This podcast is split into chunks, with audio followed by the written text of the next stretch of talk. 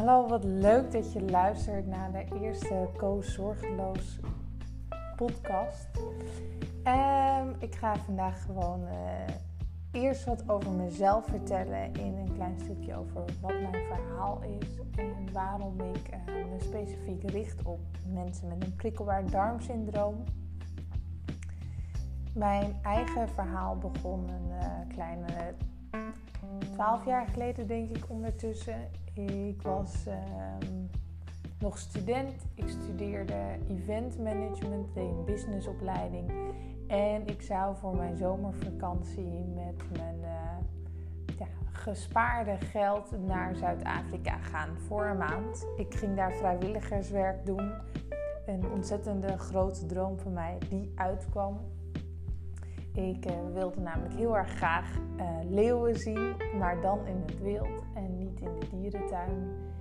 En ik had een stage gelopen, daar wat geld gespaard en ik had een schenking van mijn oma en opa gekregen, waardoor ik een vliegticket kon kopen en mijn verblijf. Want als je vrijwilligerswerk wil doen in Afrika, dan zul je daarvoor moeten betalen. Um, en ik ging naar een game lodge, een, uh, ja, eigenlijk een soort hotel midden in de natuur waar gasten dan konden verblijven en dan alle wildlife konden zien. En ik had het daar ontzettend naar mijn zin. Uh, vier weken zoals gepland werden uiteindelijk vijf en een halve maand. En het was een ontzettend avontuur om daar op 19-jarige leeftijd helemaal alleen te kunnen zijn. Uh, ver weg van mijn familie en van mijn vrienden. Uh, en het was echt een avontuur om daar te zijn. Maar helaas werd ik na een aantal maanden daar ziek. Ik was uh, gebeten door een teek. En anders dan hier in Nederland kennen ze daar geen Lyme, maar wel tickbite fever. En um, wat eigenlijk al in de naam zit, ik kreeg een hele hoge koorts, zo'n 42 graden. Ik denk voor een week of 1 à 2. Ik kan het me niet helemaal meer goed herinneren. En dat was echt een omkeerpunt van mijn immuunsysteem. Daarna ontwikkelde ik enorm veel darmklachten. Ik had uh, buikpijn, een opgeblazen buik. Alles wat ik at, dat viel eigenlijk niet helemaal goed.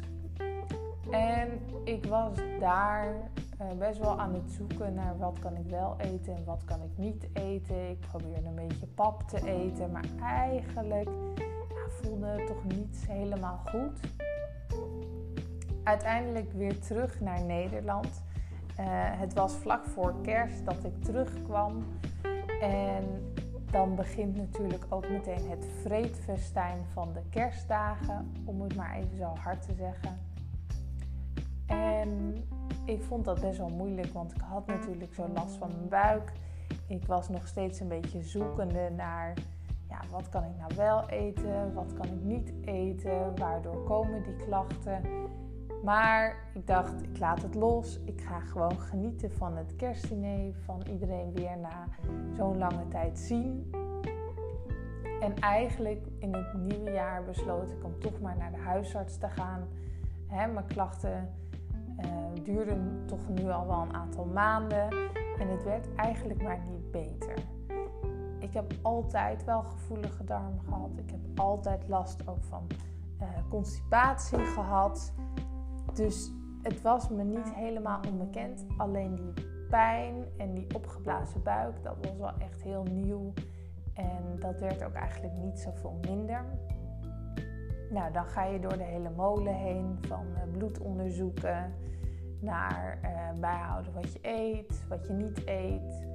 Um, en uiteindelijk ben ik ook doorverwezen naar de tropenpolie in het AMC in Amsterdam. Om toch te kijken of ik niet een of andere tropische ziekte had meegenomen of vooral een parasiet vanuit Afrika. En daar kwam eigenlijk helemaal niks uit. Het zag er allemaal goed uit volgens de huisarts. Um, en er was eigenlijk geen aanleiding voor mijn klachten. En ik weet nog heel erg goed dat ik me toen heel erg moedeloos voelde, maar ook echt niet begrepen. En dat ik heel erg het gevoel had dat ik niet zo serieus werd genomen in mijn klachten. ik werd eigenlijk steeds maar weer naar huis gestuurd van... Ja, uh, kijk het maar eventjes aan. We kunnen niks vinden. Er is niks aan de hand. Het zit misschien wel tussen je oren. En na enkele maanden zo de huisartsenpraktijk in en weer uitgelopen, viel dan toch echt de diagnose PDS, een prikkelbaar darmsyndroom. Met vrij snel daarop sluitend, leer er maar mee leven. En voor mij was dat het meest bizarre wat ik ooit had gehoord. Een arts, iemand die had gestudeerd om mij gezond te maken, vertelde mij dat met deze klachten, die ondraaglijk waren voor mij in die tijd, ik maar moest leren leven.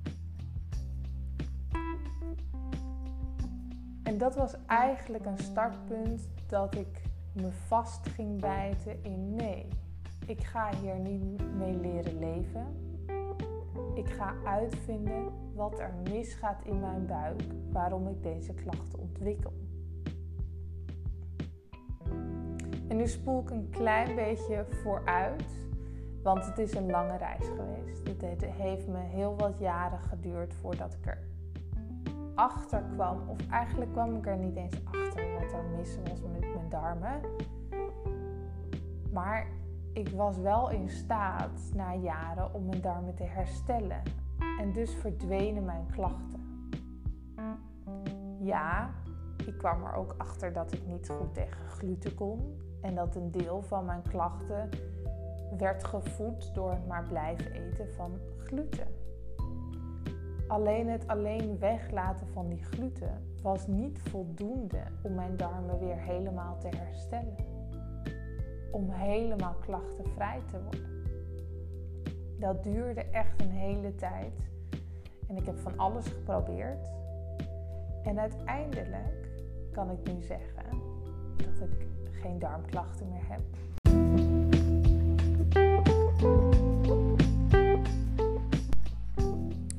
Heb het heel vaak over de darmen herstellen. En misschien hamer ik hier ook best wel op. En dat heeft wel een reden. Je kan de oorzaak wel vinden van jouw darmklachten. Hè? Misschien zie jij PDS als een oorzaak van jouw klachten. Of in ieder geval de reden waarom jij deze klachten hebt. Maar als je niet oplost waar deze klachten door veroorzaakt worden en waarom ze zijn wat ze zijn, dan zul je altijd last houden van ook andere klachten. Je ziet heel vaak dat mensen last krijgen van hun huid, van eczeem, eh, maar ook bijvoorbeeld vermoeidheid. Zelfs slapeloosheid zie je wel eens gebeuren met mensen die darmklachten hebben. Maar ook depressiviteit is iets wat ik regelmatig terug zie komen. Het sombere gevoel. En dat is allemaal terug te leiden naar die darmen die eigenlijk beschadigd zijn geraakt. En waardoor, sorry, waardoor deze uh, darmen eigenlijk beschadigd zijn geraakt, dat kan heel erg verschillend zijn. Het kan als oorzaak zijn dat je toch een voedselintolerantie hebt zitten. Maar het kan bijvoorbeeld ook zijn dat er een parasiet zit of een schimmel. Of misschien heb je iets te veel slechte bacteriën zitten. En deze organismen die zorgen er eigenlijk voor dat die darmwand beschadigd raakt. En als dat te lang doorgaat, als dat te erg wordt, dan kan er zelfs een lekkende darmwand ontstaan. En dan zul je zien dat je eigenlijk veel uh, allergische reacties krijgt, maar ook veel ontstekingsreacties krijgt in het lichaam. Eigenlijk staat je immuunsysteem dan continu aan en zal het lichaam bijna in een soort van vuur en vlam continu staan. En dat wil je natuurlijk niet. Dus het is heel belangrijk dat die darmwand herstelt. Dat je zorgt dat wat die darmwand beschadigt, dat je dat opruimt, dat je dat oplost. En daar helpt niet altijd een pilletje tegen de diarree van de dokter voor. Daarom blijf ik maar herhalen over het herstellen van die darmwand, hoe belangrijk dat is als je echt van je klachten af wilt komen. En ik heb dat zelf ook gezien. als kind af aan had ik eczeemuitbraken. Had ik last van slapeloosheid. Ehm, ik was best wel af en toe wat somber. En eigenlijk was het zoiets wat een beetje de hele tijd kabbelde. Het was niet acuut. Er waren niet gekke alarmbellen die afgingen. Maar het was iets wat de hele tijd zo een beetje speelde in mijn leven. En eigenlijk pas toen ik echt die darmklachten kreeg. Dus echt die negen maanden zwangere buik. Die heftige krampen. En ik daarmee aan de slag ging.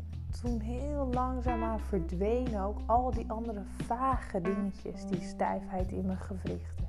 Die vaak spierpijn hebben. Um, mijn huid klaarde op. Ik was opeens niet meer overgevoelig voor alles wat op mijn huid terecht kwam. En daarom hamer ik zo op die darmen herstellen. Omdat onze darmen zijn onze kerncentrale. Als het daar niet goed gaat, zul je in elk systeem van je lichaam dat terug zien komen. Of het nou je huid is, je energieniveau, je gemoedstoestand. Hier en daar zullen er hele kleine stukjes zijn die je terug kunt leiden straks, als je darmen hersteld zijn, naar het feit dat dat daarmee te maken had. Een ander iets is wat ik wat me heel erg is bijgebleven uit die tijd. Dat ik zo enorm veel klachten had en heel veel bij hè, specialisten kwam, bij de huisarts kwam, is het gevoel van eenzaamheid. En daardoor word je natuurlijk ook een beetje somber. En vooral het gevoel van moedeloosheid. Je voelt je niet gehoord, niet begrepen, misschien niet serieus genomen in je klachten. En dat komt eigenlijk voort doordat vaak artsen ook niet weten wat ze ermee aan moeten. Voor hun is er niks aanwijsbaar dat de oorzaak is van je klachten. Daarom is ook de term PDS in het leven geroepen. Om er maar een label op te kunnen plakken, waardoor het voor hun verklaarbaar wordt dat je die klachten hebt.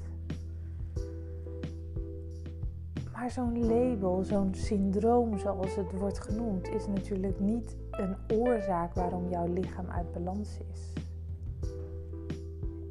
En dus is er ook niet vaak een pilletje die dat in één keer voor je oplost. En ja, je kunt een pilletje of een poedertje nemen tegen hè, het last hebben van de diarree.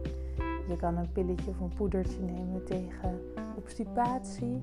Je kan een crème smeren op je eczeemhuid. Maar uiteindelijk los je niet echt in het systeem iets op. Maar dat is even een zijtak van de eenzaamheid waar ik het over had. Het gevoel van eenzaamheid was bij mij echt heel erg groot op een gegeven moment. En ook omdat ik in mijn werk merkte dat ik niet mee kon komen met de rest. Ik heb er wel eens over geschreven in een blogpost ook over dat ik aan die lunchtafel zat met al mijn collega's. En de lunch was altijd mega uitgebreid en met heel veel zorg bereid. Alleen ik kon, ik kon dat eten alleen maar zien als een vijand. Ik werd er altijd ziek van na het eten. Ik kreeg alleen maar meer pijn. En dus waren dat soort momenten een soort van hel wat ik met niemand kon delen, want niemand begreep het eigenlijk. als je dan een keertje had over dat je zo'n buikpijn had, dan zei iedereen: Goh, wat vervelend. En uh, ja, anders moet je even naar de dokter. Ja, even naar de dokter. Dat had ik al lang geprobeerd natuurlijk. Maar die dokter, die wist ook niet zo goed wat hij ermee aan moest. Behalve dan misschien leer er maar mee leven en sturen op dat het meer een mentaal issue was dan een fysiek issue. En dat idee dat onze prikkelbare darm geleid wordt door iets tussen onze oren, om het maar zo te zeggen, of dat er niks aan te doen is, dat hoop ik heel erg te doorbreken. Dat hoop ik met deze podcast te kunnen doorbreken, maar ook met alles wat ik deel aan informatie, aan blogs, uh, wat je op mijn social media terug kan zien, op mijn Instagram. Ik ben er voor jou en ik ben er om te doorbreken dat we er maar mee moeten leren leven. Om te doorbreken dat je de enige bent. Want dat zijn we niet. Er zijn meer zoals jij. Zijn meer zoals ik. En samen staan we veel sterker. Dus geef niet op. Hou moed. En weet dat je niet de enige bent.